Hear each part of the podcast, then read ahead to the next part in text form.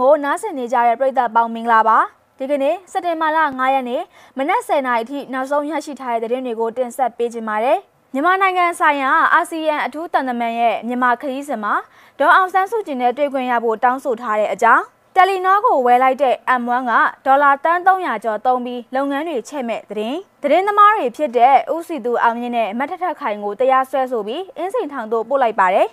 အမေရိကန်ပေါ်အနိုင်ရခဲ့တဲ့တာလီဘန်တို့အောင်ပွဲခံတဲ့သတင်းစားတဲ့ပြည်တွင်းနဲ့နိုင်ငံတကာကသတင်းတွေကိုတင်ဆက်ပေးတော့မှာပါ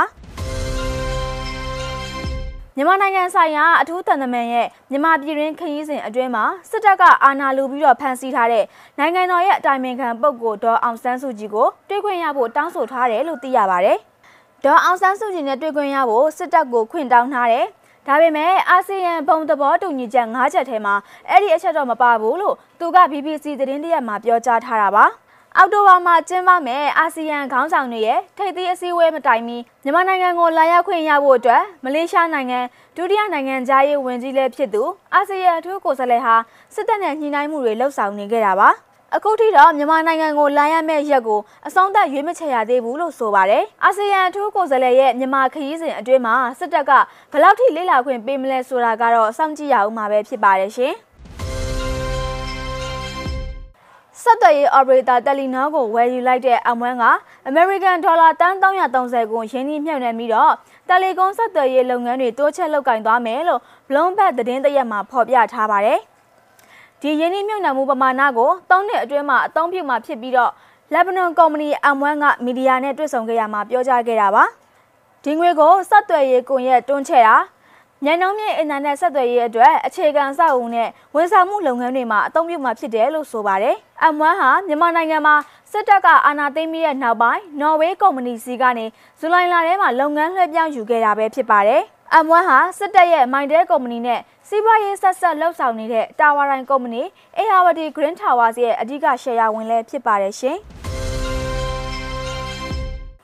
ဝိုင်းရင်သတင်းစာဆရာဦးစီသူအောင်မြင့်နဲ့အစီအစဉ်တင်ဆက်သူမတ်ထထခိုင်တို့ကိုစက်တင်ဘာလ3ရက်နေ့ကအင်းစိန်ထောင်ကိုပို့လိုက်ပြီလို့သိရပါတယ်။သူတို့နှစ်ယောက်လုံးကိုမနေ့က2နာရီခွဲလောက်ကဗဟန်းတရားရုံးကနေအင်းစိန်ထောင်ကိုပို့လိုက်ပါပြီလို့သူတို့ရဲ့ရှင့်ကြီးဖြစ်သူဦးခေမောင်မြေကပြောခဲ့တာပါ။ မထထခိုင်ဟာ905ကကြီးနဲ့တရားစွဲခံထားရတဲ့အပြင်မင်္ဂလာတောင်ညွန့်မြို့နယ်တရားရုံးကလည်းမတရားအသင်းနဲ့ဆက်သွယ်မှုစက်ခွန်တစ်ပုံမှန်နဲ့လည်းတရားစွဲခံခဲ့ရပါသေးတယ်။စစ်တပ်ကအာဏာသိမ်းပြီးတဲ့နောက်ပိုင်းမှာဦးစီသူအောင်မြင့်ဟာအာဏာသိမ်းစစ်ကောင်ဆောင်နဲ့စစ်ကောင်စီရဲ့လုပ်ရက်တွေအပေါ်ဝေဖန်တရားစာတွေရေးသားခဲ့လို့နိုင်ငံတော်အကြီးအကျယ်ပြည့်စုံမှုပုံမှာ905ကကြီးနဲ့တရားစွဲခံထားရတာပါ။သူတို့နှစ်ယောက်ကိုဩဂလ16ရက်နေ့က ဗဟန်းမြို့နယ်ရဲ့တိုက်ခန်းတစ်ခုမှာစစ်ကောင်စီတပ်တွေကအဲဇရင်စစ်မဲလို့ဆိုပြီးတော့ဝင်ရောက်ရှာဖွေရင်းဖမ်းဆီးသွားတာလို့သိရပါတယ်ရှင်။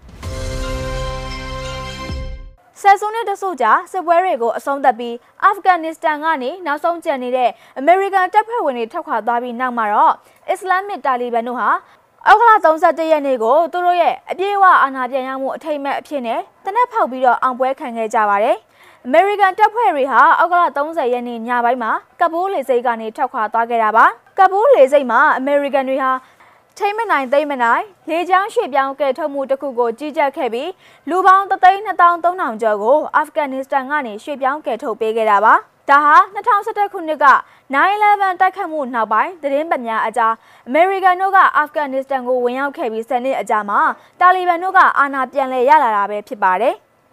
တာလီဘန်တွေကအယ်ခိုင်ဒါအဖွဲ့ကိုထောက်ပံ့ပေးခဲ့တဲ့အတွက်အာဏာကနေဖယ်ရှားခံရတာပဲဖြစ်ပါတယ်အာဖဂန်နစ္စတန်အတွက် congratulation မှာဒီအောင်ပွဲကကြောက်တော့အားလုံးနဲ့ဆိုင်ပါတယ်လို့တာလီဘန်ပြောရေးဆိုခွင့်ရှိသူဇာဘီဟူလာမူဂျာဟစ်ကလေစိတ်ပြေးလန့်ပေါ်မှာသတင်းထောက်တွေကိုပြောပါတယ်အာဖဂန်နစ္စတန်ရဲ့ဒုတိယအကြီးဆုံးမြို့လည်းဖြစ်တယ်လို့တာလီဘန်တို့ရဲ့အဓိကမွေးဖွားရနေရာလည်းဖြစ်တဲ့ကန်ဒါဟာမှာလည်းတာလီဘန်ထောက်ခံသူထောင်နဲ့ချီဟာလမ်းမတွေပေါ်ရောက်လာပြီးအောင်ပွဲခံကြပါတယ် ဒါပေမဲ့လည်းအာဖဂန်အများစုကတော့2017မတိုင်ခင်တာလီဘန်တွေရဲ့ကနအူးအုပ်ချုပ်ခဲ့တဲ့ပုံစံအတိုင်းတကြော့ပြန်လာမှာကိုစိုးရိမ်ထိတ်လန့်လို့နေကြပါတယ်။တာလီဘန်တို့ရဲ့အုပ်ချုပ်ခဲ့တဲ့အချိန်ကအမျိုးသမီးတွေနဲ့မိန်းကလေးတွေပေါ်ဆက်ဆံမှုတွေလူမဆန်တဲ့ရက်စက်တဲ့တရားစီရင်ရေးအတွက်နမဲဆိုးနဲ့ကြော်ကြားခဲ့တာပဲဖြစ်ပါတယ်။